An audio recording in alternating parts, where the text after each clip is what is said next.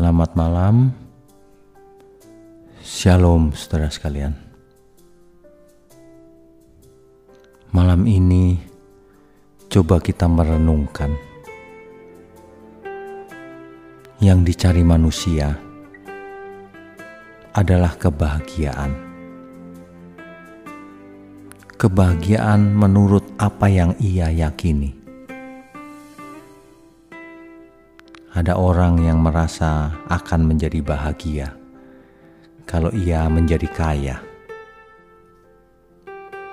Ada lagi yang merasa bahagia kalau ia memuaskan segala hawa nafsunya. Ada lagi yang merasa bahagia kalau ia memiliki keluarga banyak. Kebahagiaan-kebahagiaan seperti ini sifatnya fana, hanya bisa dinikmati sebentar saja. Sebab tingkat kebahagiaan manusia terus naik ketika seseorang dari miskin menjadi setengah kaya, ia ingin lebih kaya lagi. Bahkan ketika ia sudah kaya, ia ingin lebih kaya lagi. Jadi kebahagiaan yang didasarkan pada hal-hal fana hanya akan bertahan sebentar. Itulah sebabnya tidak ada cara lain. Bahagia sejati itu kalau kita bahagia selamanya. Kekal maksudnya. Bicara soal kekekalan tidak ada yang lain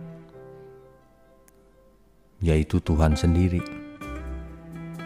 Inilah yang ditawarkan oleh Tuhan Yesus.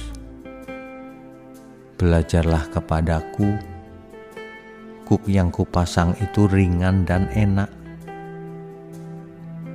maka kau akan beroleh kelegaan. Maka engkau akan beroleh ketenangan. Maka engkau akan beroleh damai sejahtera. Jadi bukan hanya bahagia versi dunia. Bahagia sejati adalah kalau kita bahagia selamanya bersama Tuhan. Ya, saudara, jangan bahagia karena fasilitas barang dunia ini. Marilah kita berbahagia versinya Tuhan. Sehingga bahagia kita akan kekal dan tidak tergantung dari keadaan kita hari ini. Saudara,